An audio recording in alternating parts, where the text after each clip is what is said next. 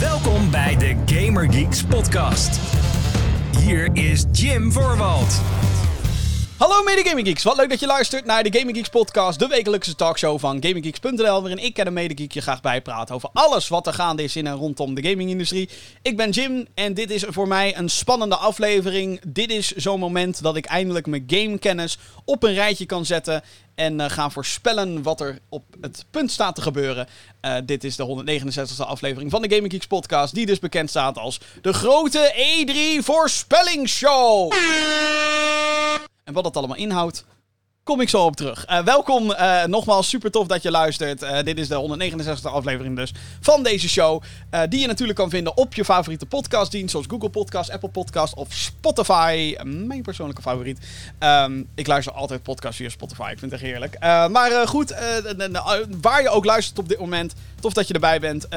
we zijn dus overal te vinden wat betreft, wat betreft podcastplatforms. Uh, mocht je een recensie kunnen achterlaten op het platform waar je te luisteren bent, doe dat vooral. En abonneer natuurlijk ook op deze show. Want zodra er dan een nieuwe aflevering is, krijg je die meteen binnen via diezelfde app. Of dat dan dus Google of Apple of, of, of Spotify of whatever is. Krijg het gewoon in één keer binnen. Abonneer dus op deze show. Fijn. Uh, er is ook een videoversie natuurlijk. Die is te vinden op youtube.com slash gamergeeksnl. Daar ben ik nu met mijn blije hoofd te zien. Hallo, leuk dat je er weer bij bent. Uh, mocht je de videoversie bekijken, uh, doe dan een duimpje omhoog. Abonneer natuurlijk op het YouTube kanaal. Daar waar we meer videocontent posten. Alles is trouwens te vinden op gamergeeks.nl natuurlijk. Dat is onze centrale plek. Mocht je alles op, in één webruimte willen hebben, daar is het. en op YouTube, op de video en ook op de website natuurlijk, heb ik deze week weer gewoon een videootje gemaakt. Vond ik weer leuk om. Um, ja, weer, weer gewoon even lekker ouderwets gewoon een Gamer Geeks video te maken. Ik ben, de laatste tijd ben ik vooral weer druk met de podcast. En ik merk dat um, wat betreft het con de content die ik wil gaan maken op Gaming Geeks... Ik denk dat dat wat meer die kant op gaat. Ik heb een uh, video gemaakt over Cyberpunk 2077. Ja, uh, we zijn namelijk nu een half jaar verder sinds dat de game uit is. Langer dan een half jaar. En ik vond het wel interessant om nou, nu na een half jaar kan je toch wel een beetje conclusies trekken van... Goh, hoe ging het nou eigenlijk? En wat voor les kunnen we leren uit de rampzalige launch van Cyberpunk? Dat is waar de video over gaat. Um, als ik dan zeg, ik wil meer van dat soort video's maken... betekent niet dat ik dan daarbij bedoel dat ik alleen maar video's over Cyberpunk wil maken. Nee, alsjeblieft niet. um, maar ik wil wat meer video's gaan maken die wat gewoon losse topics zijn, meer. Uh, dus niet meer het hele... Um, ik, ik, ik, ik heb me heel vaak vastgehouden aan de traditionele game content formats. Om mij even allemaal in, in, technische termen te brengen. Uh, reviews en, en previews en reportages. En nou, misschien kunnen we weer wat gaan doen qua reportages. Als we weer ergens heen mogen. Als we ergens weer worden binnengelaten. Dat, dat zou fijn zijn. Maar um, ja, ik, ik merkte dan toch. Dan ging ik zo'n game spelen. En als ik een goede. Als ik echt de stempel review erachter wil plakken, of review, of hoe de fuck je het ook wil uitspreken, dan merk ik dat dat, dat moet mijn soort van eindconclusie zijn. Dat is sowieso al lastig, want in de huidige gaming-industrie is het natuurlijk zo dat er ten alle tijden kan er weer een of andere patch uitgebracht worden, of een update, of een expansion, of een whatever. Afijn, alsnog vind ik het leuk om wanneer ik een game heb uitgespeeld, en daar gaan we al een beetje, uh, dan vind ik het tof om daar ja, dan toch die stempel op te drukken. Het grote probleem met games reviewen is, uh, als je een vrijwillige organisatie bent, wat Gaming Geeks is, hè, we zijn geen Power Limited, we zijn geen Game Kings, we zijn al helemaal geen IGN of wat dan ook. Sterker nog, we zijn een heel klein clubje. En um, ja, het, het, reviewen van games is dan gewoon ineens een hele tijdrovende taak. Um, ik, wat ik al zei, ik hou er dan van dat als ik, als ik een game ga reviewen, dan moet ik op zijn minst de credits gezien hebben. Of ik moet een game echt compleet, compleet zat zijn. Dat kan ook. En bij sommige games is dat dus heel lastig in te, in te schatten. Neem bijvoorbeeld een Call of Duty met zijn multiplayer. Wanneer ga je zoiets reviewen? Geen idee. Want elke keer verandert er wel weer wat. Zeker nu met hele seasons en, en, en al dat soort shit. Maar even los daarvan. Alsnog is het uh, best wel een, uh, een taak, vind ik, om uh, games uit te spelen. En ik merk van mezelf dat ik vooral tijd steek in de games die ik gewoon leuk vind om te spelen. En soms zit daar een heel sociaal aspect aan. dat ik games speel met vrienden, omdat dat nou helemaal gewoon een ding is. En ik heb ook gemerkt dat als ik mezelf dan heel erg ga inzetten van... Oké, ik ga hier een review over maken. En die review moet zo snel mogelijk moet die online staan. Ik merk dan ook, want zo is het ook alweer. Wij, we, doen alles voor de views. Maar, ehm, nee hoor, we doen niet alles voor de views. Nou ja, jawel, op YouTube. Dat. Anyway, ehm, maar ik heb een paar keer gehad dat ik eh, echt gewoon alles opzij schoof, bij wijze van natuurlijk, om een review tijdig af te hebben. Ik heb dat gedaan met onder andere. eh, eh, en nu gaan we wel echt over jaren geleden gaan we het hebben. Maar ik kan me nog heel goed herinneren dat ik echt als een bezetene Ratchet Clank zat te spelen op PS4. Want ik had een vroeger reviewcode. Dus ik kon meedoen met de grote jongens als het gaat om het moment dat je, dat, dat je de reviews eh, online zet. Eh, Overigens niet de nieuwe, hè. Dit, gaat over PS4 Ratchet Clank. Ehm, maar ehm, ik had dat ook met Spider-Man, geloof ik, en met Little Nightmares. Alhoewel ik van Little Nightmares geen vroege code had. Maar ik had gewoon die game gekocht en ik wilde zo snel mogelijk de review eh, online hebben staan. En ik merkte dat ondanks dat ik heel erg aan het rushen was en dat ik echt gewoon er vol voor ging.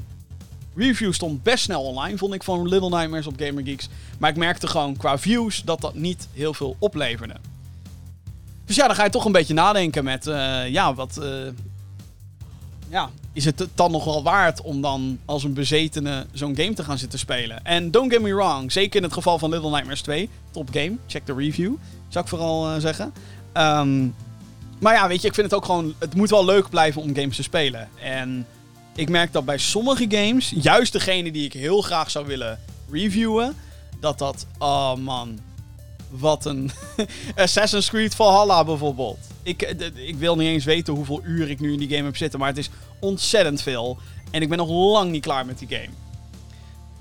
Dus ja, het is een beetje. eh, eh, daardoor raak ik een beetje gedemotiveerd om dat soort dingen te maken. Maar ik vind het dan wel weer heel leuk om het dus over bepaalde topics te hebben. Noem een cyberpunk, noem ehm, bijvoorbeeld wat er nu allemaal aan de hand is rondom PlayStation. Eh, De, de, de, ze hebben namelijk nu deze week is er weer een blogpost uitgekomen dat God of War naar 2022 eh, eh, verplaatst wordt. Dat ik denk, goh, 2021 voor God of War, Ragnarok. Niemand geloofde dat dat ging gebeuren.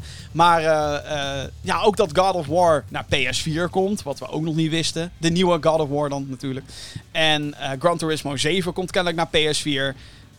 Ja, dat lijkt me dan een interessant topic om daar bijvoorbeeld een video over te maken. Dat PlayStation eerder zei: Goh, wij geloven in generaties. Een PS5-game is een PS5-game, verdomme. En dat ze daar nu toch soort van af weten te stappen. En dat ze daar niet echt punten bij scoren met eh, de gamers in het algemeen dan natuurlijk.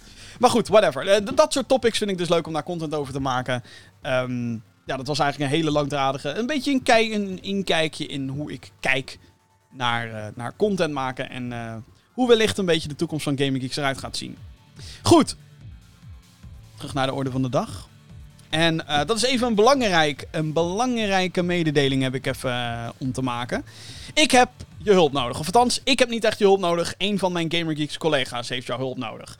Eh, Gamer Geeks is dus een eh, vrijwillige organisatie natuurlijk. We zijn een groepje enthousiaste gamers die eh, graag eh, video's voor je maken, podcasts voor je maken. En eh, alles wat ertussen ligt. En ehm, een van de geeks die je ook wel eens in deze show hebt gehoord, dat is Vincent. En Vincent is eh, echt iets ontzettend lulligs gebeurd de afgelopen week.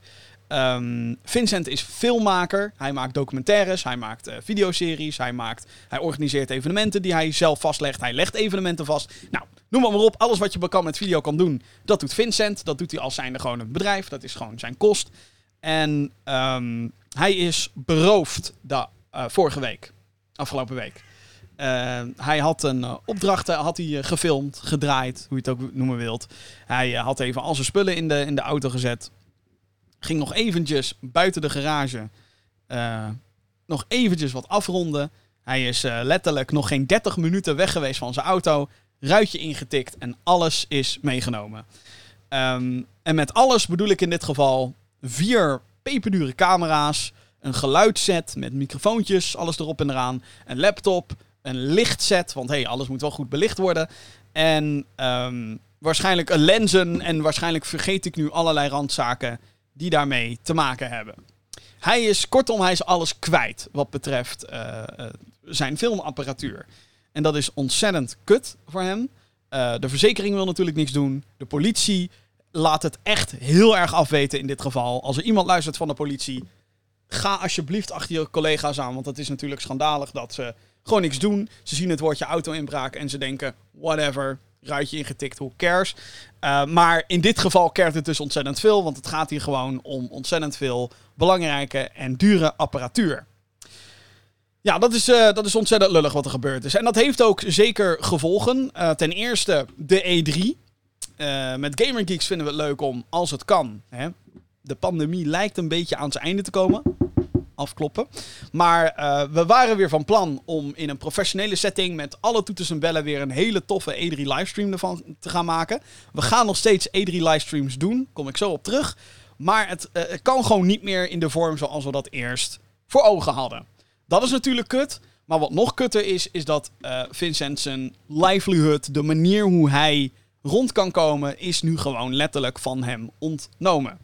Goed, daarom is er niet uh, door mij, moet ik even bij zeggen, maar door een, een, een, een kennis en, en, mensen die het beste uh, voor hebben met Vincent, is er een doneeractie opgestart. Dat kan je vinden via doneeractie.nl. Als je daar naartoe gaat en je zoekt vervolgens op Bres Vincent, op de Bres voor Vincent van, de, van, van den Broek, zo heet de actie. Um, als je daar op, op, op, op zoekt, dan kom je dus op de actiepagina terecht. Waarbij je kan doneren om um, ja, Vincent in ieder geval weer wat spullen. Uh, uh, dat hij weer wat spullen kan, kan, kan halen. En gewoon weer aan het werk kan. Gewoon dat hij zijn ding weer kan doen. Um, je voel je, als je dit hoort, voel je vooral niet verplicht om iets te doneren. En als je zoiets hebt van: ik wil heel graag wat geven, maar ik heb niet veel. Doesn't fucking care. Alle kleine beetjes helpen in dat opzicht. Um, ik weet dat er over de hele wereld zijn er natuurlijk allerlei andere goede doelen en dat allemaal. En er is ontzettend veel aan de hand. Dus echt waar, alleen als je het kan missen. Doneeractie.nl. Zoek op op de bres voor Vincent. En dan vind je de actie. En um, wat ik al zei, alle hulp is wat dat betreft mooi meegenomen. Alle kleine beetjes helpen. Ik zag al wat uh, communityleden van GamerGeeks afgelopen week. Uh, zag ik al bijspringen. En dat is helemaal fantastisch. Dus uh, namens Vincent bij deze alvast Dankjewel, dankjewel, dankjewel, dankjewel. Is echt helemaal te gek. Dus um, nogmaals, doneeractie.nl. Um, en zoek dan op op de bres voor Vincent. En dan vind je het wel. Het uh, einddoel is op het moment van opnemen, wat trouwens 8 juni 2021 is, helemaal vergeten te vermelden, um, is bijna gehaald. Dus we, we, we zijn er bijna uh, nog even door uh, rammen en dan komt het wel. Nogmaals, niet verplicht voelen. Uh, en, en, als je uh, uh, kan helpen door het te verspreiden, dit nieuws, is ook van harte welkom. Dankjewel, dankjewel, dankjewel, dankjewel. Mijn dankbaarheid is echt heel groot. En ik weet dat Vincent um, ook nogal is weggeblazen van alle support die hij heeft gekregen. Ook vanuit de GamerGeeks community. Dus nogmaals. Goed, dan gaan we even naar iets spannends. Want de E3 die staat dus voor de deur. Welkom bij de grote E3 voorspellingsshow. De bedoeling is als volgt. Ik ga straks voorspellingen doen over wat er op de E3 aangekondigd gaat worden. En de dingen eromheen. De E3 is, mocht je dit niet kennen, de Electronic Entertainment Expo. Normaal gezien wordt dat elk jaar in Los Angeles gehouden. Rond de tweede, derde week van juni. Dat is dit jaar dan eindelijk ook weer zo. Waar het niet dat het allemaal digitaal is. Normaal zit er een hele beurs. Uh, de LA Convention Center wordt dan helemaal afgehuurd. En daar gebeuren allemaal gekke dingen. Weet ik hoeveel journalisten gaan er dan heen. Om daar de allernieuwste games te spelen. Dit is eigenlijk gewoon het moment en de plek waarop de meeste partijen. En ik zeg nogmaals de meeste, want kanttekeningen zijn er overal. De meeste partijen die kondigen dan in deze week uh, uh, hun nieuwste games aan. Of laten dingen zien rondom de games die we willen zien. Gameplay, updates, release data, noem maar, maar op. Dit is het moment. Dit is like de Fashion Week, maar dan voor videogames. Klinkt heel gek. Maar hey, dit, dit, is het wel zo. Dit is gewoon het moment, het epicentrum voor gaming hype. Dat is de E3. Dit jaar is hij dus wat anders. Onder andere omdat hij dus volledig digitaal is. Dus iedereen springt op uh, uh, digitale presentaties. Nou is dat al jarenlang al een groot deel van E3. Daarom kunnen we ook met GamerGeeks er verslag van doen. Omdat de persconferenties al jarenlang live worden uitgezonden. Dat is het grote moment waarop alle games worden aangekondigd. Vervolgens gaan journalisten er in het echt mee aan de slag. Dit jaar dus niet. Dit jaar is alles digitaal. Oké, nou dat is uh, helemaal te gek. Wat er dit jaar ook een beetje anders is, is dat Jeff Keighley, dat is een journalist die organiseert al jaren de Game Awards. Die heeft sinds vorig jaar ook de Summer Game Fest in het leven geroepen. En die uh, organiseert daar ook conferenties omheen. Dus het is één grote clustervak van partijen die allerlei dingen gaan doen. Uh, persconferenties hier, digitale presentaties daar. Maar het is één grote brok hype en dat gaat allemaal aankomende week gebeuren. Heb ik in ieder geval heel veel zin in. En uh, natuurlijk gaan we bij Gamer Geeks jou ook op de hoogte houden daarvan. En we beginnen dan, uh, mocht je deze podcast voor die tijd allemaal horen. We beginnen dan uh, op woensdag 9 juni 2021 natuurlijk. Beginnen we met de Battlefield Reveal. Dat is uh, in de middag is dat. En um, ja, alle grote conferenties gaan we sowieso ook livestreamen. We gaan het doen. Het is niet, uh, wat ik al zei, het is niet in zo'n professionele setting als dat we hadden gewild. Maar verwacht wel gewoon onze goud eerlijke reacties. De hype momenten. De boze momenten dat we denken: hallo, wat is dit voor shit? Waarom? Nou, uh, verwacht dat allemaal in ieder geval aankomende week. Volg GamerGeeks op social media. Als je wil weten wanneer we live zijn, uh, dat is uh, op alle social media netwerken op @gamergeeksnl, Twitter, Facebook, Instagram @gamergeeksnl. Dat is uh, waar je de links kan vinden en wanneer je weet dat we weer live zijn. Uiteraard gaan we ook op YouTube weer live en ook op ons Twitch-kanaal. Goed, dus um, ja, wat ga ik dan in deze podcast doen? Dit is een beetje het, uh, het warmlopen.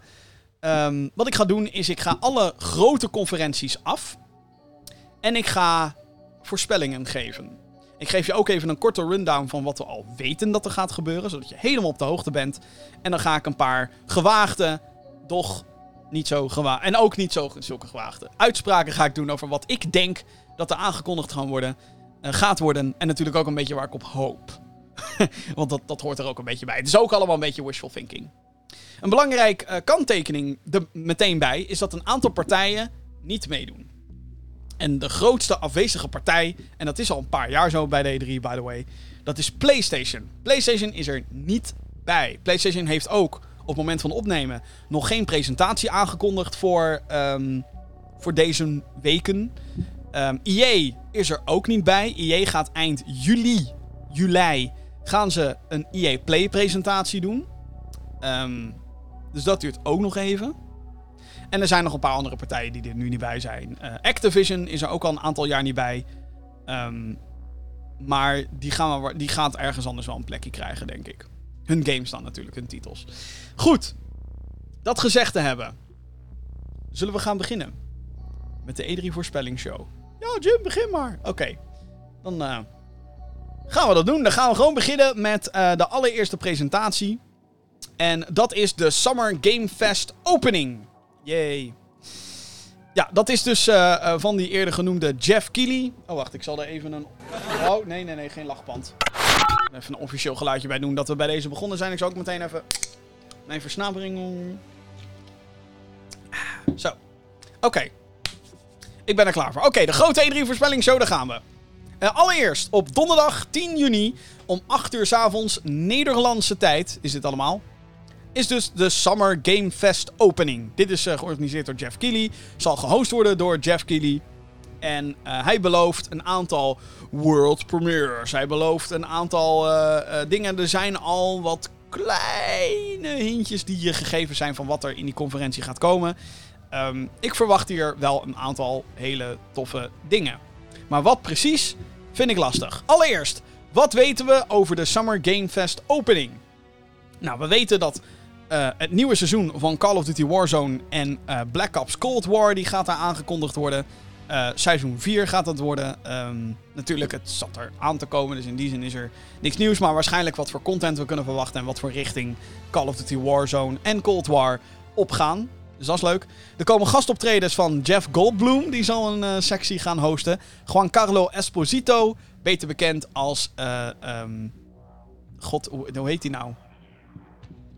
Gus Fring uit Breaking Bad. Maar ik zocht eigenlijk naar de naam van de rol die hij speelt in The Mandalorian. Daar speelt hij ook in. En hij speelt de bad guy in Far Cry 6. La Dictatore of zoiets. In ieder geval een dictator. En uh, de, hele toffe guy. Weezer gaat optreden tijdens uh, de opening show. Althans, optreden. Het wordt waarschijnlijk gewoon een vooraf opgenomen ding. Maar alsnog, heel tof. Weezer die gewoon gaat optreden. En nog een paar andere bands. Ik weet niet of ze die hele show moeten volhouden met bands. Maar het zit er in ieder geval bij. Um, dus dat weten we. We weten ook dat er een nieuwe Gearbox game aangekondigd gaat worden. Gearbox, de makers van Borderlands, die zijn er zelf al naar aan het teasen. En uh, volgens een aantal leaks die er al zijn geweest en rumors die daar dan bij komen, hebben we hier te maken met een Tiny Tina spin-off. Tiny Tina is een character uit de Borderlands-serie. Een van de beste characters, by the way. Een chaotische, compleet insane character. Die vond ik persoonlijk een beetje op de achtergrond verdween bij Borderlands 3. Dus daarom vind ik het eigenlijk wel heel tof dat zij dan een eigen game zou krijgen. De grote vraag is dan natuurlijk, wat voor type game wordt het? Durf je daar uitspraak over te doen, Jim? Dat durf ik. Ik denk niet dat het echt een Borderlands game wordt. Dus het wordt niet zo van, oh, het wordt Borderlands, maar dan speel je als Tiny Tina. Ik mag hopen dat ze echt iets um, anders gaan doen ermee. En wat mij persoonlijk heel tof lijkt, is om een keer een third-person action-adventure te hebben met een character in de hoofdrol. Dus dat er wat meer nadruk ligt op het het verkennen van Pandora, de planeet waar het merendeel van Borderlands zich afspeelt. Of andere planeten, I don't really care. En dat je dan als Tiny Tina echt gewoon wat meer gaat rondspringen en dingen moet opblazen, want dat is waar ze goed in is. Uh, en dat er wat minder nadruk ligt op loot en op, op, op het schieten, maar dat het dus even wat anders wordt.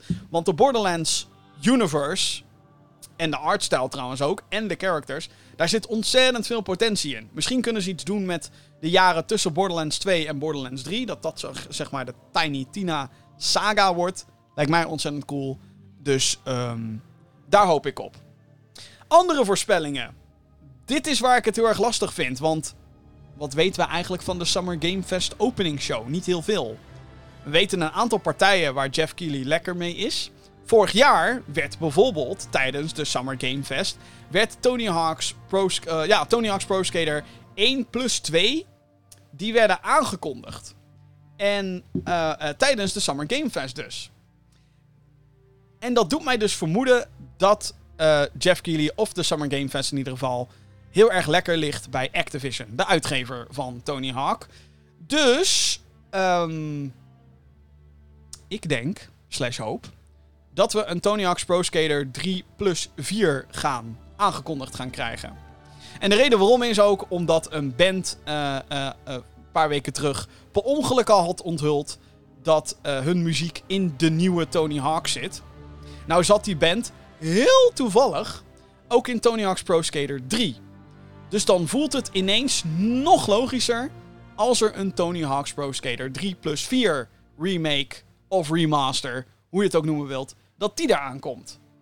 Ik zou dat fucking vet vinden, want ik vond Tony Hawk's Pro Skater 1 plus 2 vond ik echt oprecht te gek. Ik, uh, uh, ik heb er heel erg van genoten. Het was echt weer gewoon ja, een ouderwetse Tony Hawk, maar die ook goed voelde. Die, die, die, het voelde juist. Het was gewoon, oh, het was lekker. Ja, het was weer Tony Hawk. En ik weet dat Tony Hawk zelf ook heeft gezegd, uh, meerdere keren zo van, goh, als dit een beetje een succes is, um, dan zie ik het wel heel erg zitten om 3 plus 4 dan te doen. Dus ja, um, let's go. Tony Hawk's Pro Skater 1 of uh, nee, 3 plus 4 remaster, remake, whatever. Het is een remake, technisch gezien. Let's fucking go. Ik ben daar best wel hyped voor. Dus um, ik hoop dat dat, het, dat, dat dat daarin zit in ieder geval. Ik ga nog eventjes door met de Activision-trein uh, in dit opzicht. Want, nogmaals, ik weet verder ook niet wat er in godsnaam bij die Summer Game Fest opening kan zitten. Maar ik ga dan weer even door op dat hele gebeuren dat Jeff Keighley en de Summer Game Fest en Activision, dat gaat wel lekker samen. Wat is er ook onderdeel van Activision? Blizzard. Nou is er één game waarvan we allemaal weten, of allemaal, hopelijk weet je het. Maar uh, nou is er één game waarvan we uh, weten dat die ook dit jaar nog moet verschijnen. En dat is Diablo 2 Resurrected. Dat is een game die is aangekondigd met een 2021 datum. Het is een remaster, remake ook. Misschien houdt hij gewoon heel erg van remasters, ik weet het niet. Maar um, ik zou het wel echt te gek vinden als we daar eindelijk een datum voor krijgen. Niet omdat het. Um, ik bedoel, het is toch een beetje. Ja. Het is en blijft Blizzard. En die is altijd een beetje uh, uh, onvoorspelbaar als het gaat om de, de data en, en of ze zich daar aan kunnen houden. Maar het, het, lijkt me toch wel logisch als dit 2021 nog gaat halen. En als dit, um, ja, gewoon nog uitkomt. En het zou heel erg tof zijn als ze, als, ze, als ze met een datum zouden komen. Dus dat hoop ik. Ik hoop dat er nog een highlight komt van, uh, van Diablo 2 Resurrected. En als ik een datum moet gokken, dan ga ik toch echt wel gewoon voor oktober. Ik denk dat oktober een uh, meer dan prima moment is om Diablo 2 Resurrected in de wereld te gooien. En ik ben fucking hyped voor Diablo 2 Resurrected. Want ik hou van Diablo 2. Een van de beste games aller tijden. Als je het aan mij vraagt.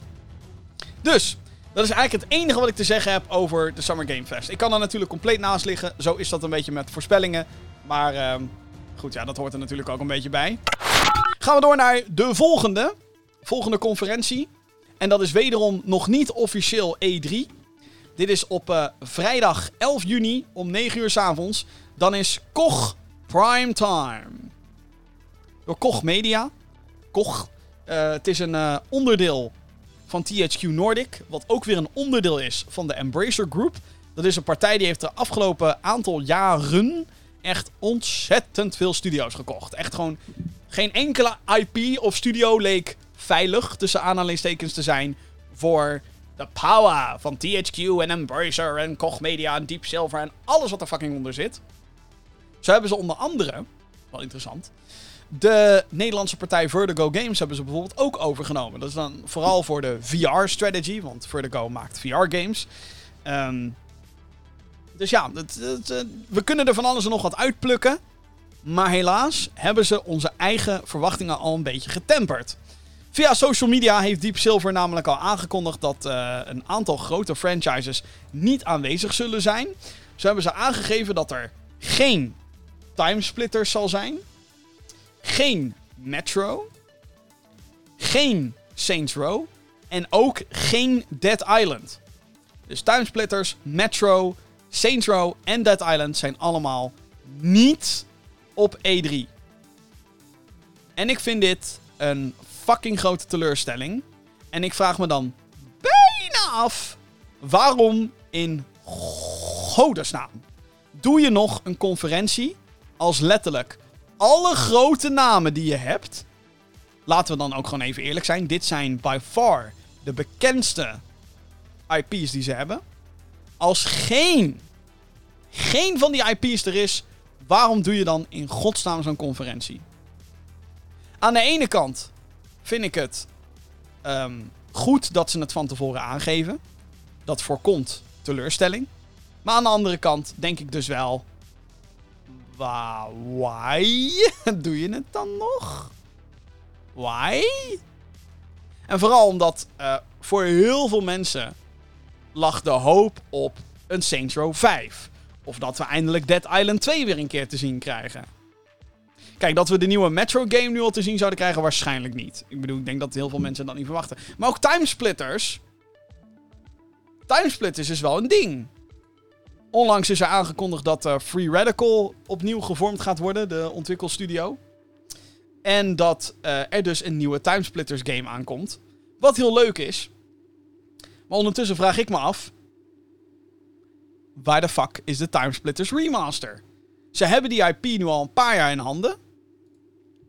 Waar, waar, waar is de Timesplitters trilogy, jongens? 1, 2, 3. Gewoon op PS4, PS5, whatever, Xbox, One en Series, bla bla bla.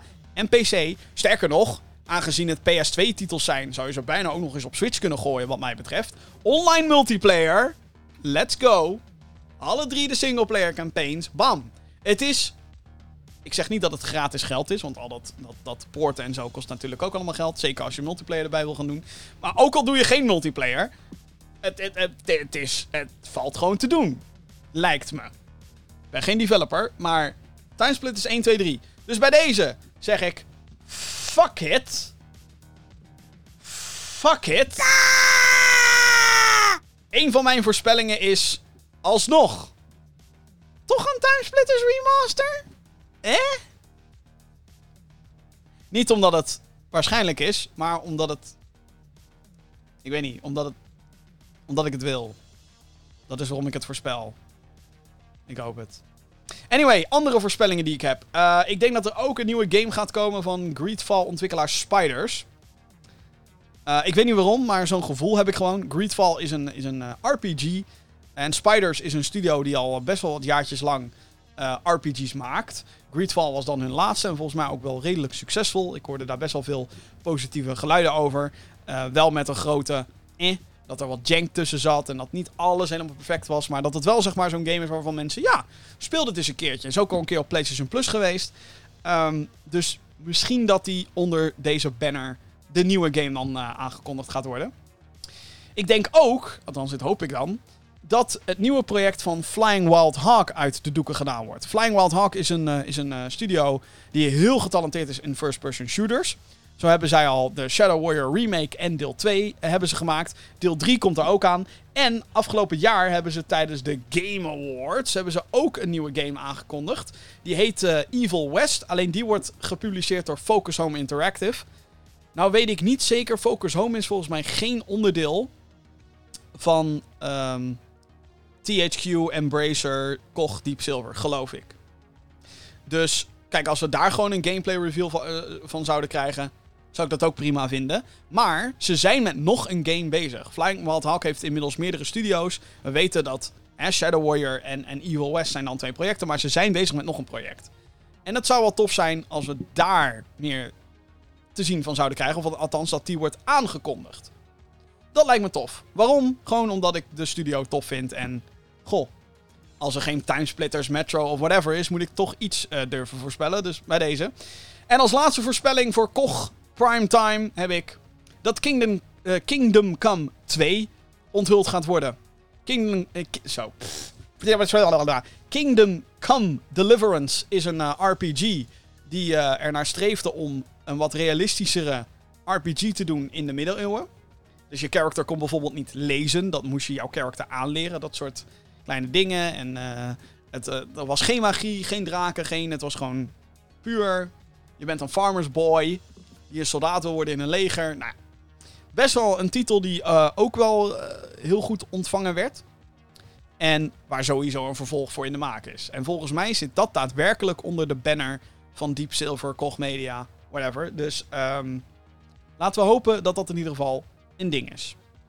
Overigens zou ik me ook niet verbazen als ze een Destroy All Humans 2 remake gaan doen. Die gooi ik er dan nog even bij. Maar dat is een soort van. Is niet eens een voorspelling inmiddels meer. Dat is een soort van de. Maar ja, als zelfs dat er niet bij zit, dan. Hm. Weet ik het ook niet meer. Ik vind het ook best lastig, want het is namelijk niet de THQ Primetime of de Embracer Primetime. Het is de Koch Primetime. Dus. En ja, zonder al die grote franchises weet ik niet hoe we daar verder. Hoe dat gaat uitpakken. Anyway, vrijdag 11 juni om 9 uur s avonds, dus Nederlandse tijd. Ook natuurlijk op de Twitch en YouTube kanalen van Gamergeeks. Koch Prime Time in ieder geval. Gaan we door naar de volgende conferentie. En die is van Ubisoft. Ubisoft, de Franse uitgever die we kennen van franchises zoals Assassin's Creed en um, de, de, de, de, Far Cry, daar had ik het eerder al over. Wauw Jim, kan je nou echt niet op, op, op Ubisoft franchise komen. Uh, Rainbow Six, nou, heel veel, uh, heel veel dingen, uh, dingen in ieder geval. Um, wat kunnen we verwachten? Want ook hier zijn al wat dingetjes aangekondigd en aangegeven door de uitgever zelf. Wat natuurlijk goed is. aan de ene kant, nou ja, goed. Ik vind het, oké, okay, luister ik vind het hele vooraf aankondigen wat al op je conferentie komt, is aan de ene kant chill. Omdat je dan al, hè, je kan je daarop verheugen. Aan de andere kant denk ik, laat het gewoon lekker een verrassing zijn, jongens. Hè? Laat ons verrast worden. Laat ons teleurgesteld zijn. Laat ons hype zijn. Laat ons de what the fuck momenten hebben. Dat neem je toch wel een beetje weg als je al van tevoren dingen gaat, uh, gaat aankondigen. Alhoewel natuurlijk ook een beetje een, uh, een ding kan zijn tegen lekken. Want er wordt ook best wel wat gelekt altijd van die E3 dingen. Anyway, Ubisoft. Wat kunnen we, of wat weten we al over deze conferentie? Nou, wat we in ieder geval weten is dat Rainbow Six Quarantine opnieuw getoond gaat worden. Of die gaat nu volledig getoond worden. Heet geen Rainbow Six Quarantine meer. Het heet nu Rainbow Six Extraction. Want hey, om een game quarantine te noemen in de tijden waarin we leven, is inderdaad niet zo handig meer. Um, maar het wordt in ieder geval Rainbow Six meets zombies. Er was al een closed alpha test, technical test geloof ik. En um, daar waren al wat beelden van gelekt. Want hey, zo werkt het nou eenmaal met uh, dat soort tests. Het leek een beetje als ja, echt een tactische zombie game. Dus dat het niet uh, à la Left 4 Dead is dat er, oh hoor, de zombies en knallen, knallen, knallen. Nee, het schijnt wel echt wat tactischer te zijn. En dat je echt om sterke zombies heen moet sneaken en zo. Om überhaupt te kunnen overleven. Wat ik een interessante take vind. Omdat Rainbow Six is natuurlijk ta tactisch. Je speelt als een squad en alles moet... Blablabla. Dus um, benieuwd hoe dat gaat uitpakken. Ik verwacht ook dat de game free-to-play gaat zijn, by the way. Omdat free-to-play is een richting waarin Ubisoft wil gaan. En dit is een uh, toptitel om dat ook mee te doen. We weten helaas ook al een paar dingen die er niet aanwezig gaan zijn in de Ubisoft Forward presentatie. Die plaats gaat vinden op zaterdag 12 juni om 9 uur s avonds, by the way. Uh, wat er niet gaat zijn, is Prince of Persia The Sense of Time Remake. Helaas. Ergens misschien ook wel logisch, aangezien de um, ontwikkelaars die zitten in India. En dat is waar op dit moment ook uh, nogal wat shit gaande is omtrent een virus. Ook niet echt fijn natuurlijk. Uh, de game is overigens inmiddels gepusht naar 2022. Volgens mij was dat eerder ook nog niet aangegeven. Ofwel, dan heb ik het gemist. Maar de game zag er sowieso al niet goed uit. Ik hoop dat ze daar nog wat tops van kunnen maken. De Division gaat ook niet aanwezig zijn. En dit vind ik heel frappant. Ten eerste zou er, nieuwe, zou er nieuwe content komen voor de Division 2. En ten tweede, wat Ubisoft ook al heeft aangekondigd, is The Division Heartland, een free-to-play Division game. Waarvan dit natuurlijk het ideale moment was om te zeggen: hey guys, dit is wat het gaat worden. Bam. Gameplay, hoe de paar systemen gaan werken. Get hyped. Hier is een close beta test. Schrijf je nu in. Hype, hype, hype, hype, hype, hype. Iedereen hyped voor The Division Heartland. Maar nee, die gaan dus, die, die, die, gaan, die zijn er gewoon niet. Frappant. Heel frappant. Want waar ga je je show nu nog mee vullen? Ze hebben onlangs ook al Far Cry 6 onthuld. Met main character, release datum 7 oktober komt Far Cry 6. Ik ben hyped, zin in. Maar waarom doe je dat niet tijdens dit, Ubisoft Forward, de E3? Of gaan ze nog iets anders aankondigen rondom Far Cry 6? Misschien een co-op mode? Misschien een multiplayer ding? Geen idee. Maar, um, hmm. Ik vind het maar raar hoe ze bepaalde dingen aanpakken. Anyway, gaan we naar de voorspellingen van mij. Wat denk ik dat er gaat gebeuren tijdens Ubisoft Forward? Nou, ik denk vooral dat we duidelijkheid gaan krijgen, nog meer duidelijkheid over het najaar van Ubisoft. Far Cry 6 staat al, 7 oktober dus. Maar um, ja, het wordt nu toch ook wel tijd dat bijvoorbeeld Roller Champions een keer gaat uitkomen. Ook een free-to-play game trouwens. Een, uh, ja, een game waarbij je op, in een soort van arena zit en je moet rondskaten en dan moet je een bal door een ring heen gooien. Ik vraag me af of Knockout City inmiddels een beetje ja, de, de, de behoefte voor zo'n game helemaal heeft weggehaald. Want Knockout City gaat heel lekker, 5 miljoen spelers inmiddels. Dus misschien is Ubisoft inmiddels te laat. Daarnaast denk ik ook dat we uh, meer details en een uh, release datum gaan krijgen voor Riders Republic. Een game die vorig jaar werd aangekondigd. En um, die ook al eerder uitgesteld was naar najaar 2021. Het is eigenlijk een game waarbij die snowboarden, skiën, mountainbiken en, en dat allemaal eigenlijk combineert. Het is een beetje steep, maar dan niet alleen sneeuw, meer bergen en alle, alle sporten die je daar maar kan doen op hoge bergen. Dat zit allemaal in Riders Republic. Um, ik ben nog niet echt overtuigd van deze game. Dat komt onder andere omdat. Kan je het allemaal goed maken als je zoveel verschillende sporten hebt? Handelt alles dan wel lekker? En ten tweede, wat doe je nou eigenlijk in de game behalve van een berg afrijden en trucjes doen? Tot zover snap ik het, maar ja, ik, ik ben benieuwd hoe ze dat uh, aangepakt gaat worden. Dat mag wat mij betreft ook wel wat duidelijker geshowcased worden. Maar ik denk dat we toch wel een datum gaan krijgen en dat daarmee het najaar van Ubisoft in ieder geval wat duidelijker wordt. Tweede voorspelling voor Ubisoft is um, dat we natuurlijk een blokje met updates gaan krijgen. Updates voor Assassin's Creed Valhalla. Er komen nog een paar expansions aan. Uh, updates uh, voor Rainbow Six Siege natuurlijk. En ook voor For Honor.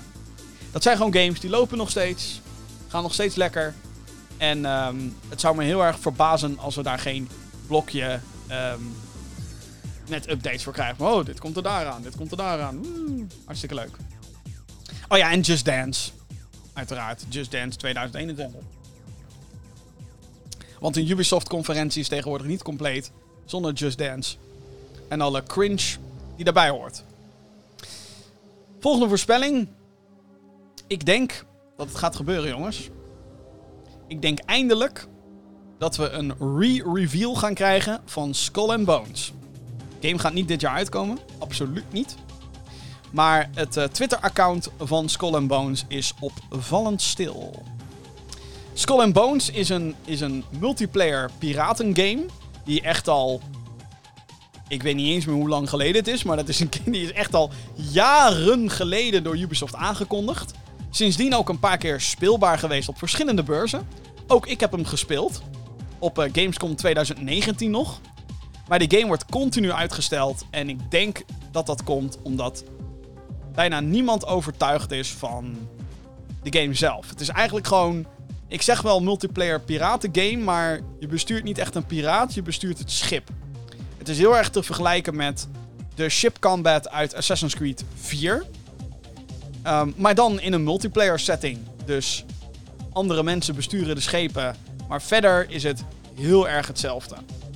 En ook toen ik het speelde uh, op Gamescom 2019, zei ik ook gewoon tegen de developers in hun gezicht: van weet je, het is wel geinig, maar ik denk niet dat heel veel mensen denken dat dit een full-priced purchase waard is. Dat ze denken, daar ga ik nou eens 60 euro in douwen. Want het is in de basis is het heel erg simpel. En als je een piratengame maakt, wil je dan echt alleen maar het schip besturen? Nee, dan wil je toch ook van je schip af. Dan wil je toch piraten shit gaan doen. En ja, die game bestaat natuurlijk al een beetje. Het heet Sea of Thieves. En ironisch genoeg, wat Sea of Thieves wat mij betreft echt het allervetste doet, is schepen. Niet dat er heel veel keuzes zijn qua schepen, maar de manier hoe je het moet besturen. Dat je rekening moet houden met de wind. Dat je echt een, een, een grotere crew nodig hebt als je op een groter schip gaat. Dat, dat doet Sea of Thieves al. En je zou dan kunnen zeggen, goh, maar dit is simpeler. Dus dat is dan hè, wat, wat hè, dan kun je gewoon veel makkelijker instappen. Oké, true. Maar het is gewoon niet zo diep. Dus de re-reveal. Wat gaat het worden? Ik hoop, ik weet niet of het zo is, maar ik hoop dat ze met Skull and Bones een iets wat andere richting in zijn gegaan. En dat ze veel meer een Sea of Thieves-achtig, achtige structuur, achtige game gaan maken. Dus ja, je zal je schip waarschijnlijk nog wel hebben in een bepaalde capaciteit. Maar ik mag toch hopen dat je ook gewoon als piraat um, rond gaat lopen. Misschien dat het dan wat meer nadruk heeft op singleplayer dingen. Ik weet het niet. Ik blijf het lastig vinden. Maar ik denk wel dat Skull and Bones weer getoond gaat worden. Wellicht ook met een iets wat andere artstijl en zo. Dus dat. De laatste voorspelling die ik heb omtrent Ubisoft is wishful thinking, zeg ik erbij. Ik denk, ik hoop, laat ik dat eerder zeggen. Ik hoop dat Ubisoft gaat eindigen met Rayman. Het wordt tijd, jongens, dat je platformmascotte een comeback maakt. En waarom? Gewoon omdat ik het wil. Wederom. Um, zie ik het gebeuren dat ze echt Rayman 4 gaan maken? Ik weet niet. Ik zou het ook wel heel erg tof vinden. Al is het alleen maar een collectie van Rayman 1, 2, 3 voor current gen. Of PS4 consoles. Alleen dat al zou ik fucking tof vinden. Rayman 1, Rayman 2, Rayman 3. Beetje opgepoetst her en der. Dat zou ik al te gek vinden. Een nieuwe game is voor mij niet eens nodig. Gewoon de trilogy op de huidige consoles, slash PC, speelbaar op moderne systemen, zonder al te veel gezeik, met moderne resoluties, bla bla bla bla bla. Remake zou, zou natuurlijk nog toffer zijn. Ehm, een Rayman 2 remake zou wel echt gewoon. Dat zou mindblowing zijn, maar dat. Dan ga ik wel heel erg in sprookjesland leven, denk ik, als ik. Uh, als ik, als ik daar te veel aan vast blijf klempen. Dus dat doe ik niet. Blijf wel een beetje realistisch natuurlijk, maar iets Rayman gerelateerd? Ubisoft? I know you want to. Come on. Do it, do it. Oké, next up. Devolver Digital. Die zijn uh, inmiddels ook een uh, vaste naam op E3. Voornamelijk omdat ze. Uh, het is meer een soort van sketchshow die ze doen. Toevallig met wat hele toffe indie games er doorheen. Wat weten we van Devolver Digital waar ze dit keer mee gaan komen? Nou, eigenlijk helemaal niets. Behalve dat ze weer iets gaan doen. Ehm, ze hebben onlangs nog Terra Nil aangekondigd. Dat is een citybuilding sim waarin je de vervuilde grond juist moet zien te herstellen uh, naar de natuur. Normaal is het natuurlijk een beetje andersom. Dan, uh, dan in een citybuilder heb je een leeg stuk land en daar moet je een zo efficiënt mogelijk toffe stad van maken. Hier lijkt het een beetje het omgekeerde, wat tof is. Maar die hebben ze dus al aangekondigd. Uh, misschien dat die weer te zien zal zijn. Verder weten we eigenlijk helemaal niks. Ik zal eigenlijk op het moment van opnemen, wacht, als we dan toch ik zal even nog de Devolver Digital Twitter erbij halen, want voor hetzelfde geld weten ze ineens wat meer. Wacht, even kijken. Hebben ze. Uh... Oh, Sludge Live, maar die kennen we al.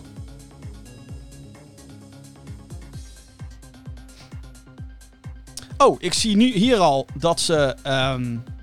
Oké, we hebben nieuws. Ze gaan een release date aankondigen voor de game die je dan nu hoort. I gotta love autoplay. Maar voor een, een noir-achtige game. Uh, die er echt helemaal te gek uitziet. Uh, die heet, even kijken, Death's Door. Je speelt erin als een soort van kraai. En het ziet er echt, het heeft zo'n in, uh, aparte stijl. Maar daar gaan ze dus de release date voor aankondigen. Het is een RPG, wat ik eruit uit begrijp. Met een hele zwart. Het is eigenlijk een beetje limbo, maar dan met een kraai. Althans, qua artstijl. Qua, qua, qua sfeer ook een beetje. Uh, maar niet zozeer qua. Hm. Niet zozeer qua character design. Want dat ziet er wel echt uh, heel erg tof uit. Ik ben er wel benieuwd naar. Het wordt een uh, top-down RPG. Wordt het. Een beetje à la Bastion. Doet het me aan denken. Oké, daar krijgen we dus een release datum van. Dus we weten wel iets. We hebben concrete informatie. Oké, dat weten we. Nou, dat is mooi, want mijn voorspellingen voor Devolver Digital zijn als volgt. Um, ik wil heel graag Shadow Warrior 3. First person shooter, waar ik me heel erg op verheug. Gemaakt door Flying Wild Hawk natuurlijk. Het einde van de Shadow Warrior Reboot Trilogy door Flying Wild Hawk. Die inmiddels zijn overgekocht. Uh, een game die er echt fantastisch uitziet. Uh, denk brute Doom Eternal actie. Misschien in die zin nog net wat bruter, net wat meer nadruk op de over-de-top wapens en, en bloed. Uh, maar dan met een uh, Aziatisch uh, sausje eroverheen. En dan is ook het Aziatisch sausje is compleet over de top. Zeg maar niet, niet een realistisch Aziatisch sausje. Nee, dat is gewoon de zoetzure Fuyong Hai saus. Die je bij je afhaal Chinees krijgt. zeg maar, dat, dat is het ook beetje. Weet je, weet je, de Chinese afhaal. Um, voor first-person shooters, maar oh, zo lekker. uh, ik, uh, ik, heb me echt, ik heb zoveel zin in deze game. En onlangs is er nog wat gameplay onthuld bij uh, IGN. En ik weet dat ze daar. Um, hebben ze onder andere de Xbox en PlayStation 4 versie hebben ze bevestigd. En daar blijft continu blijft daaronder staan 2021, 2021, 2021. Wat dat betreft voorspel ik een eind 2021 datum uh, oktober, november, zoiets. September zou eigenlijk idealer zijn voor een game als dit. Maar let's fucking go. Shadow Warrior 3. Een ander ding waar ik op hoop is een release datum voor Boomerang X. Wederom een first-person shooter, maar deze zit veel meer in een uh, boomer shooter gehalte. Dus het uh, ziet er een beetje retro-achtig uit. Maar het is heel erg tof. Alles draait om een, ja, een boomerang, maar dan met uh, flinke stekels eraan eigenlijk je enige wapen, maar ook een wapen die je tegelijkertijd gebruikt voor platforming. Um, een game die er ook ontzettend stilistisch uitziet.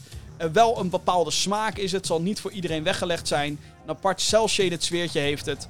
Maar wederom, oh zo tof. Dit is ook een game, ik wil er gewoon een datum voor. Geef me een datum, Devolver. En dan ben ik al blij. Dus het enige wat ik wil is een datum voor Boomerang X en Shadow Warrior 3. En dan zijn we helemaal E-OK. Kan ik me veugen op die games. En is de hype, wat mij betreft, compleet. Oké, dan gaan we door naar de volgende partij. We zijn er bijna, we hebben nog drie partijen om te bespreken. De volgende is een hele grote. Namelijk Xbox plus Bethesda. Ja. Xbox heeft afgelopen jaar Bethesda overgekocht. Of eigenlijk specifiek technisch gezien ZeniMax, het moederbedrijf van Bethesda. Uh, maar ze hebben dus de uitgever, alle studio's en alle IP's die daarbij horen, alle series. heeft Microsoft nu in handen. Dus is het logisch dat hun E3 showcase een combinatie gaat zijn tussen Xbox en Bethesda. Natuurlijk wil Xbox uiteindelijk gewoon dat het gewoon de Xbox showcase is. En dat je weet dat de Bethesda games erbij horen. Maar goed, voor nu noemen ze het een soort van combi-show. Die gaat gehouden worden op zondag. Oh, trouwens, Devolver. Ik heb helemaal vergeten te melden. Uh, is uh, niet handig, uh, Jim. Oh, wat erg! zaterdag 12 juni om half elf. Dan is de Devolver Digital Showcase. Xbox plus Bethesda is op zondag 13 juni 2021 om 7 uur s avonds. Natuurlijk ook allemaal te volgen via de YouTube en uh, uh, Twitch-kanalen van Gamer Geeks. Goed, um, dat wordt een biggie. Het gaat twee uur lang duren, dat is wat we weten. Twee uur lang. Dus dat wordt een flinke showcase. En um, dat is eigenlijk ook het enige concrete wat we op dit moment echt weten. Het andere waar we waarschijnlijk ook gewoon van kunnen uitgaan, is dat Halo Infinite weer opnieuw getoond gaat worden. En dat we daarvoor ook een datum gaan krijgen. Die moet eind dit jaar uit gaan komen. En uh, we weten dat de multiplayer free-to-play gaat zijn. Wat spannend is, want Halo multiplayer free-to-play. Oké, okay, dat is interessant. Um, ja, ik ben gewoon heel benieuwd. Uh, afgelopen jaar kreeg, uh, kregen Xbox en 343 Industries, de developers van Halo Infinite, de nieuwe, kregen best wel wat commentaar op de graphics. En dat het er, nou ja, ik bedoel, het zag er mooi uit. En het, nou ja, mooi. Het, het zag er redelijk uit, maar nou niet echt bepaald een showcase van wat een next-gen systeem zou kunnen. Wat natuurlijk ook een beetje zo is, want deze game moet ook gewoon op Xbox One uitkomen. Krijg je dan een beetje. Maar ik denk dat mensen uh, veel meer weggeblazen waren van bijvoorbeeld Horizon, die ook op PS4 komt, dan van Halo Infinite. Um, dus dit wordt een beetje, denk ik, een goedmaker. Hey guys, dit is hoe de gameplay game eruit gaat zien op next gen. En dan gaan ze waarschijnlijk allerlei raytracing foefjes gaan ze laten zien. En ze moeten deze game ook wel echt van zijn beste kant laten zien hoor. Want Halo, hoe tof ik het eigenlijk ook vind. Ik uh, ben nog steeds een beetje bezig met die Master Chief Collection. Heel langzaam maar zeker. Op PC. Maar hoe tof het ook is, het heeft niet meer de status die het had toen Bungie het nog ontwikkelde. Het heeft niet meer de oh my god, het is fucking Halo. Die het vroeger had in, ten tijde van de Xbox 360. Basically. Halo 5 was nou niet echt wat het uh, had moeten zijn. De Master Chief Collection last, launchte op Xbox One. Dramatisch als het gaat om de multiplayer. Um, en ja, de hype voor Halo Infinite is dus nu ook een beetje gematigd door de tegenvallende graphics. Dus ja, dit wordt hun redemption story. En dat moet wel. Ik denk dat ze uitgebreid, uh, wat ik al zei, gaan uitlichten. De nieuwe foefjes, de nieuwe graphics. Um, de multiplayer zal ongetwijfeld ook geshowcased gaan worden. Met een aantal modes, met een aantal uh, uh, maps. En waarschijnlijk met gewoon een live gameplay demo, of althans live. Voor hoeverre dat live kan zijn natuurlijk in een digitaal, op een digitaal event. Maar alsnog, ik denk dat gaan we wel te zien krijgen. En hopelijk wordt dat voor hun een soort van sneer naar PlayStation. Van haha, we hebben al een game dit najaar. Jullie nog niet. Haha. Bitches. Hoop ik, denk ik. Maar we kunnen ervan uitgaan dat het gaat gebeuren. Oké, wat denk ik verder? Wat er. Um, mijn voorspellingen. Wat nog meer? Nou, Starfield. De nieuwe game van Bethesda Studios. De makers van Oblivion. Van Fallout 3. Van Skyrim. Van Fallout 4 van Fallout 76. Oh jee. Fallout 76. Uh, shit, 6. Starfield werd al eerder aangekondigd. Ik denk dat we die game hier weer te zien gaan krijgen. We hebben nog letterlijk verder niks gezien, behalve een logo van uh, Bethesda. Uh, maar ik denk dat we hier uh, te zien gaan krijgen dat Todd Howard en Phil Spencer naast elkaar gaan staan. Todd Howard is een beetje de, een van de grote namen achter Bethesda. Phil Spencer is de head of Xbox. Die gaan samen gewoon, this is Starfield, yeah. Er komt een gameplay showcase. En ik denk dat het grootste statement gaat zijn van die showcase. Niet zozeer een datum, die verwacht ik eigenlijk stiekem nog niet. En als er een datum komt, dan is dat 2022. Maar um, ik denk dat de grootste, het grootste statement wat ze gaan maken is dat hij alleen voor Xbox en PC gaat komen. Dit wordt het moment dat Xbox gewoon confirmed. Tuurlijk, de games die al op PlayStation zijn, die blijven daar. Dingen zoals Fallout 76, Elder Scrolls Online. Tuurlijk, Minecraft, die zal altijd op PlayStation gaan blijven. Um, en de Switch. Maar Starfield, nee. Toekomstige Bethesda games gaan alleen op Xbox en PC. Dit wordt hun soort van middelvinger naar Sony van... Haha, we hebben ze, bitches! En ze komen alleen bij ons. Of althans, platforms die wij goedkeuren. Dit wordt hun power move. Starfield alleen naar Xbox en PC. En natuurlijk als eerste op Xbox Game Pass. Dat gezegd te hebben, Deathloop en Ghostwire Tokyo, ook een kleine voorspelling van mij, die gaan doodgezwegen worden. Dat zijn games um, die komen naar PlayStation 5 console exclusive voor nu en PC. Dat waren deals die Bethesda al had gemaakt voordat ze werden overgekocht door Xbox. Um, die games gaan hier niet getoond worden. No fucking way. Gewoon nee. Gaat niet gebeuren. Gaan ze niet doen. Whatever. Die marketing laten ze lekker aan Sony over. Want Sony wil deze titels natuurlijk wel showcase. Ze hebben er immers voor betaald. En um, ja, ze moeten iets laten zien voor, hè, voor, de, voor de PlayStation. Zelf hebben ze nog niet heel veel, zeker niet dit jaar. Uh, we weten al dat Deathloop op 18 september uit mijn hoofd uitkomt. En Ghostwire Tokyo zou ook nog 2021 moeten launchen. Althans, dat zo staat het nu. Ik denk niet dat het gaat gebeuren. Ik denk dat dat februari, maart 2022 wordt. Uh, als ze wel dit jaar halen, top. Zo niet, whatever. Maar beide games, No Way Jose, die ga je hier niet zien. Ook al is dit ook een Bethesda showcase. Ga je niet zien. Dan, volgende voorspelling. Microsoft die laat ballen zien en laten een Fallout game maken door een van hun andere studio's. Bethesda heeft uh, sinds de release van Fallout 76 heel hard geroepen: nee, niemand gaat meer Fallout games maken, behalve wij. Nu die hele bende van Xbox is, liggen die opties wat meer open. Sterker nog, een van de studio's um, die geprezen wordt om het maken van een van de beste Fallout games, New Vegas, is nu ook in handen van Xbox. Dat is, dat is Obsidian. Nou is Obsidian bezig met meerdere projecten.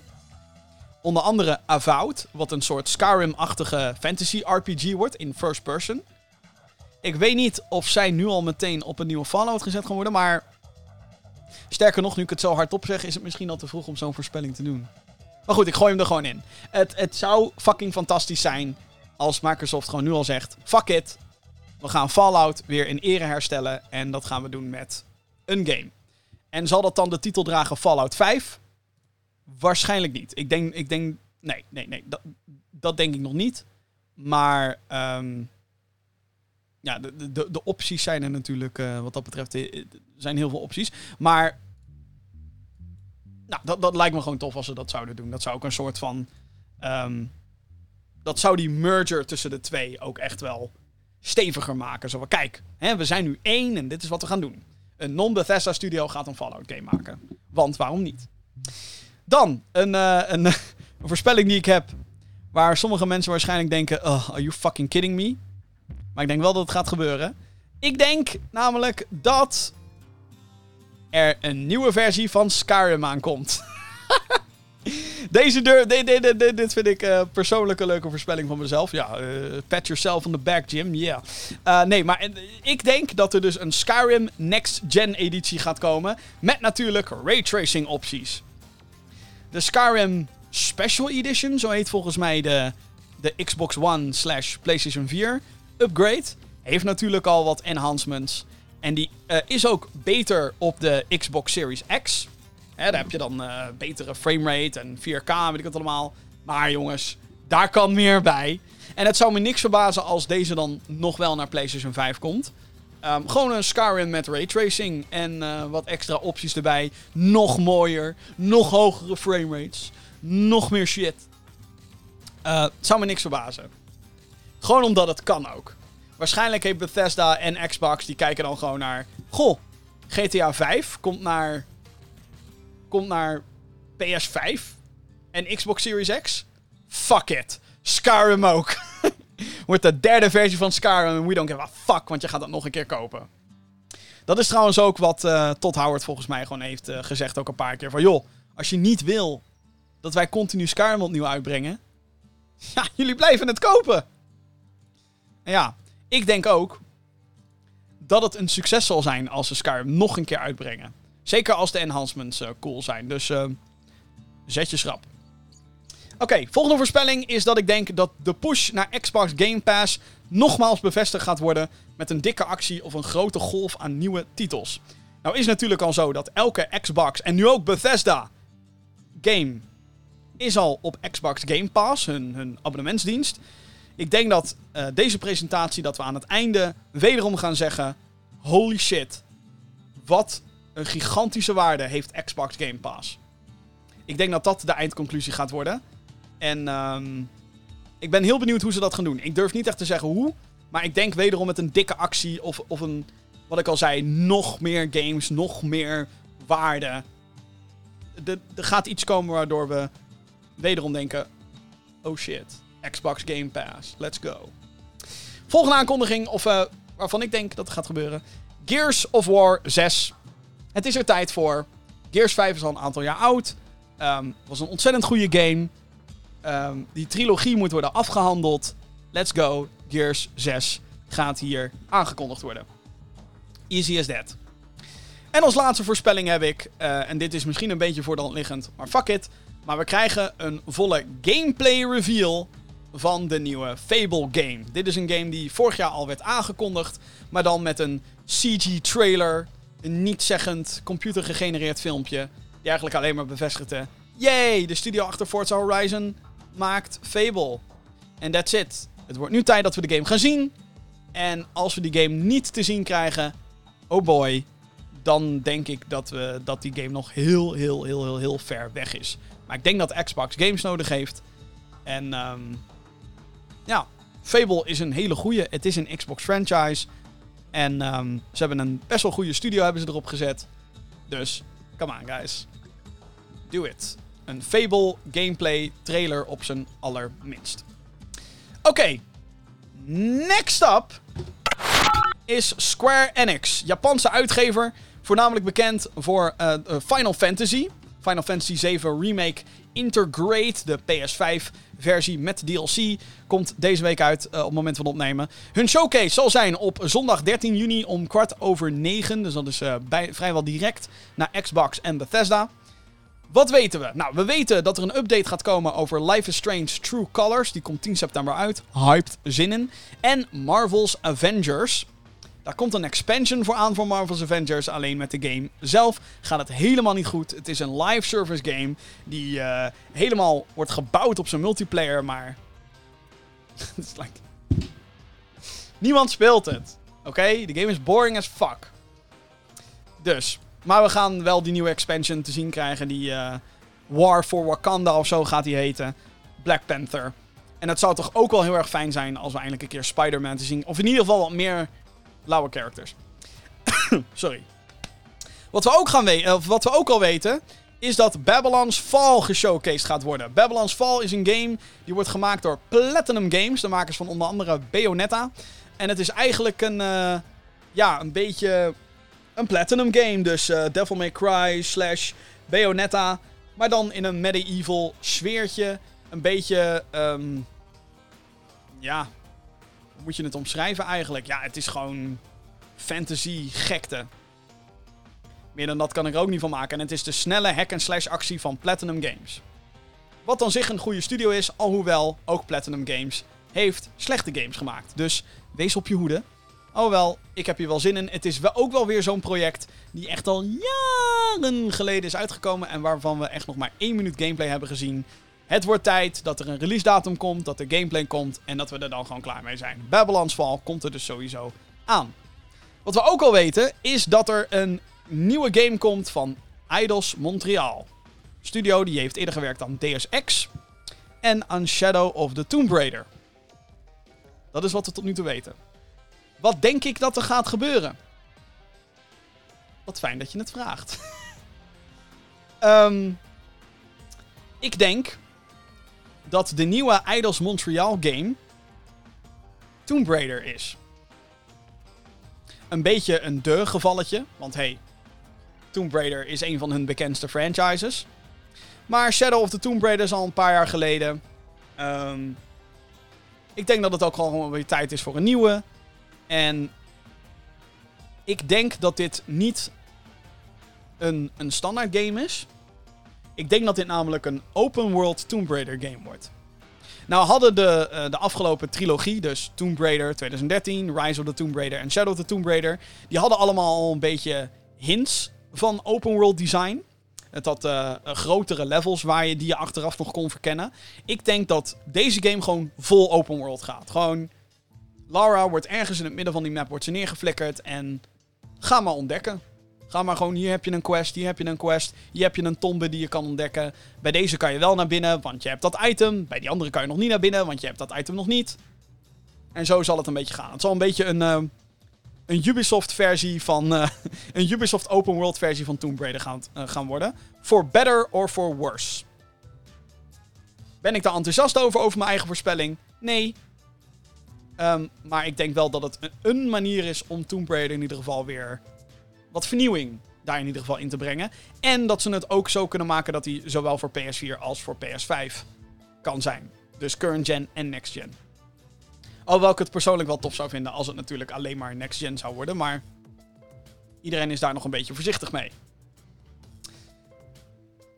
Een andere voorspelling, uh, dat is meer een gerucht. Uh, er gaan namelijk geruchten rondom het internet dat Team Ninja een bekende, uh, bekend ontwikkelteam die onder andere ook Nio heeft gemaakt. Um, die gaan komen waarschijnlijk met Final Fantasy Origins. Uh, Origins, een beetje een, een Souls-like, Demon Souls-achtige game die in de Final Fantasy universe zich afspeelt. Dit is een combinatie die veel te logisch klinkt. Waardoor ik denk dat het gewoon waar is. Het is een gerucht, dus ik ga geen credits nemen als dit waar is. Dat is gewoon is eigenlijk al een soort van gelekt. En, en, en, en mensen die er de hele tijd over praten. Dus dit gaat al gebeuren. Jawel. Final Fantasy Origins, jawel. Als laatste voorspelling heb ik, en uh, het is niet zo spannend, want Square Enix, ik, ik moet heel eerlijk zeggen, het is zo'n partij waarvan ik nooit durf te zeggen wat ze nou gaan doen. Maar gezien het succes, het redelijke succes van Outriders, zou me niks verbazen als daar iets van een een expansion of een standalone iets voor wordt aangekondigd. In ieder geval op zijn minst een update. Uh, maar een, uh, een expansion zou toch wel cool zijn. Een beetje in de wat meer ouderwetse zin van... hé, hey, we gaan een grote content drop doen... die je wat geld gaat kosten... maar die wel de Outriders ervaring uitbreidt. Dus dat. Dat is Square Enix.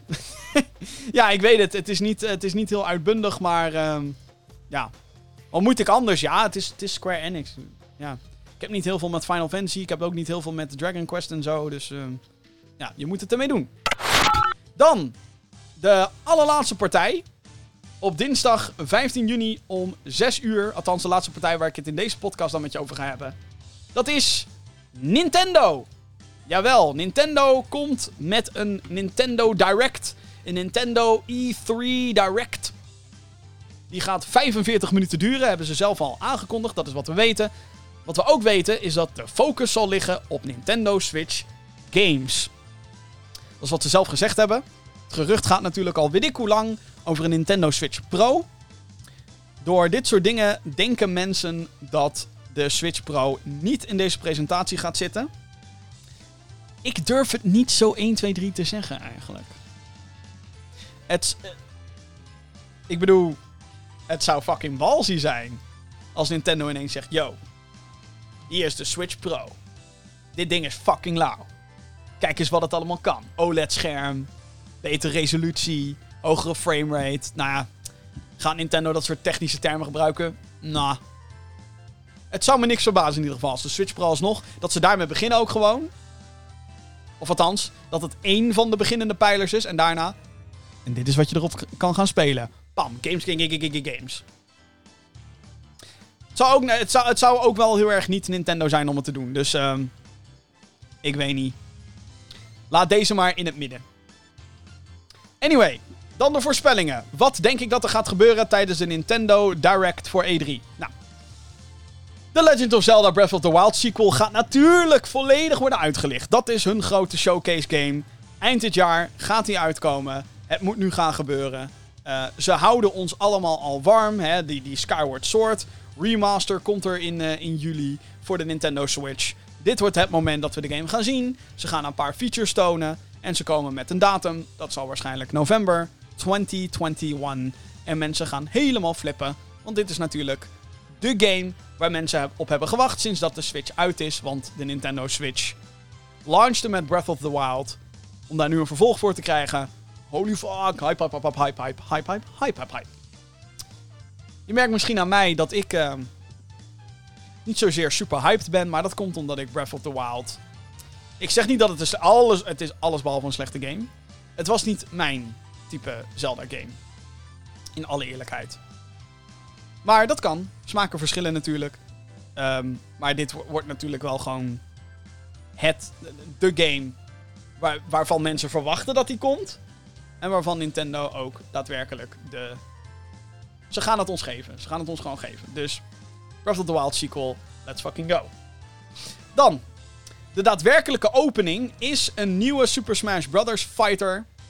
En dat wordt wederom, ik wil mensen niet boos maken, maar dat wordt weer een Japans georiënteerd personage.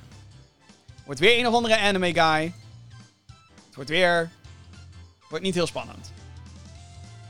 Ik hoop al jaren, inmiddels jaren, op Crash Bandicoot. Het zou vet zijn als dat zou gebeuren, maar nee. Volgende voorspelling is wederom meer een wishlist ding. Metroid Prime Trilogy Nintendo. Kom op. Ik weet dat jullie het hebben liggen. Metroid Prime 1, 2, 3. Voor de Nintendo Switch. Normaal heb ik iets tegen luie collecties. I don't care. Dit is Metroid. Ik maak, ook ik, ga vaak tegen mijn principes in. Metroid Prime Trilogy voor de Switch met analoge controls en motion controls met de Joy-Con. Ge-high-res naar HD, alle drie op één Switch cartridge. 60 euro. In september. Do it. Ik weet dat jullie het kunnen. Sterker nog, ik denk dat hij er al ligt. Metroid Prime Trilogy. Kom op. Nintendo, kom op. Oké. Um, volgende voorspelling is dat ik ook denk dat er een spin-off weer gaat komen. Een spin-off een beetje in de trant van een Mario vs. Donkey Kong bijvoorbeeld. Zo'n zo een bekende franchise die net even een andere richting in gaat. Met, met een grappig spel. Niet baanbrekend, niet het nieuwe hoofddeel in iets. Maar gewoon een grappig leuk spel. En dat hoeft niet per se Mario vs. Donkey Kong te zijn. Um, ik denk dan ook bijvoorbeeld aan een, een Kirby puzzle game of zo. Of een, een Yoshi game. Gewoon iets wat, wat, wat waar Nintendo fans echt helemaal van smullen. Weet je wel, waar, waarvan de meeste mensen dan zeggen... Ah, oké. Leuk. Nou, een beetje dat. En dat bedoel ik in, in deze zin trouwens echt niet negatief. Dat bedoel ik juist heel positief. Zo van, oh ja, dit is zo'n game. Dat, gewoon echt een Nintendo fan game. Maar wel een spin-off. Lekker vaag, hè, deze voorspellingen. Ja. Stiekem hoop ik gewoon op een nieuwe Wario Land. Maar dat gaat toch niet gebeuren. Of Yoshi's Island. Of whatever. Anyway, uh, laatste voorspelling die ik heb. Is dat Nintendo Switch Online uitgebreid gaat worden. Met Nintendo 64 games. Hè, dus je kan nu uh, NES en Super NES games kan je uh, streamen via Nintendo Switch Online op je Nintendo Switch. Daar komt een Nintendo 64 game bij, maar dat wordt tijdelijk. Dat wordt voor een paar maanden, of voor een jaartje, of voor een halfjaartje, zoiets. En de game in kwestie is The Legend of Zelda Ocarina of Time. Waarom? De hype voor Zelda moet worden opgevoerd als een motherfucker. Hè? Skyward Sword HD komt er al aan. Eind dit jaar komt Breath of the Wild vervolg.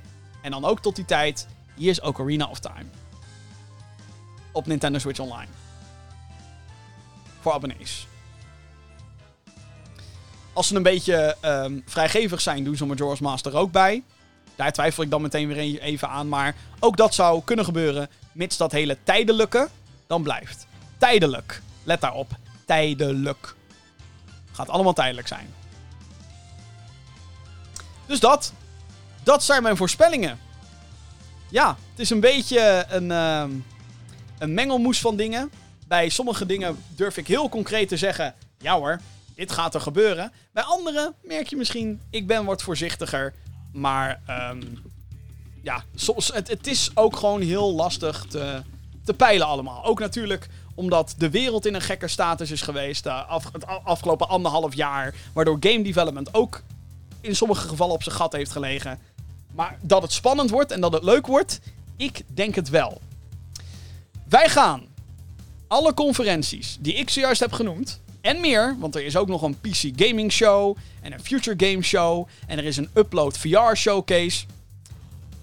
Alles wat ik zojuist opnoemde en meer gaan we dus livestreamen op wederom de YouTube kanalen en de Twitch kanalen.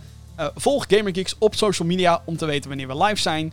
Uh, en volg natuurlijk uh, gewoon de website gamergeeks.nl waar we ook alle details tijdig gaan posten. E3, GamerGeeks, jawel, wij zijn er weer bij. In hoeverre dat kan. En ik hoop dan ook dat jij erbij bent. Goed. Tot zover. De grote E3 voorspellingsshow. Heb jij vragen voor de Gaming Geeks podcast? Um, ik zou zeggen, mail vooral naar podcast.gamergeeks.nl. Dat is het mailadres waar je al je commentaar kwijt kan. We gaan ook, by the way, om ook jou als podcast luisteraar bij te praten. We gaan een aantal podcasts maken met onze analyses of reacties of, of, of ja, dat eigenlijk. Analyses en reacties. Ehm, onze kritieken op de showcases. We gaan een aantal podcasts maken. Ehm, in hoeverre we dat gaan indelen, dat, daar ben ik nog een beetje over aan het puzzelen. Dat hangt er natuurlijk ook een beetje van af hoeveel aankondigingen er echt interessante, toffe, coole aankondigingen er per showcase zitten. want voor hetzelfde geld zit die Summer Game Fest opening vol met vette titels waar ik de oren van je kop over kan lullen. Of het zit allemaal met games dat ik denk, ja, is wel leuk. En dat was dan een podcast. Maar ja, dus ik moet daar een beetje over um, gaan puzzelen en een beetje afwachten wat er allemaal gaat gebeuren. Maar hou dus al onze social media's dus in de gaten. GamerGeeksNL op Twitter, Facebook, Instagram.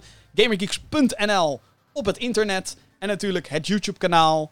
En um, de podcast feeds. Goed. Ik vind het uh, ontzettend tof dat je naar me hebt willen luisteren voor uh, ruim vijf kwartier. Um, dit was de 169e aflevering van de Gaming Geeks podcast. Ik spreek je hopelijk heel snel. Heb een fijne digitale E3. En uh, heel graag tot de volgende keer. Doei!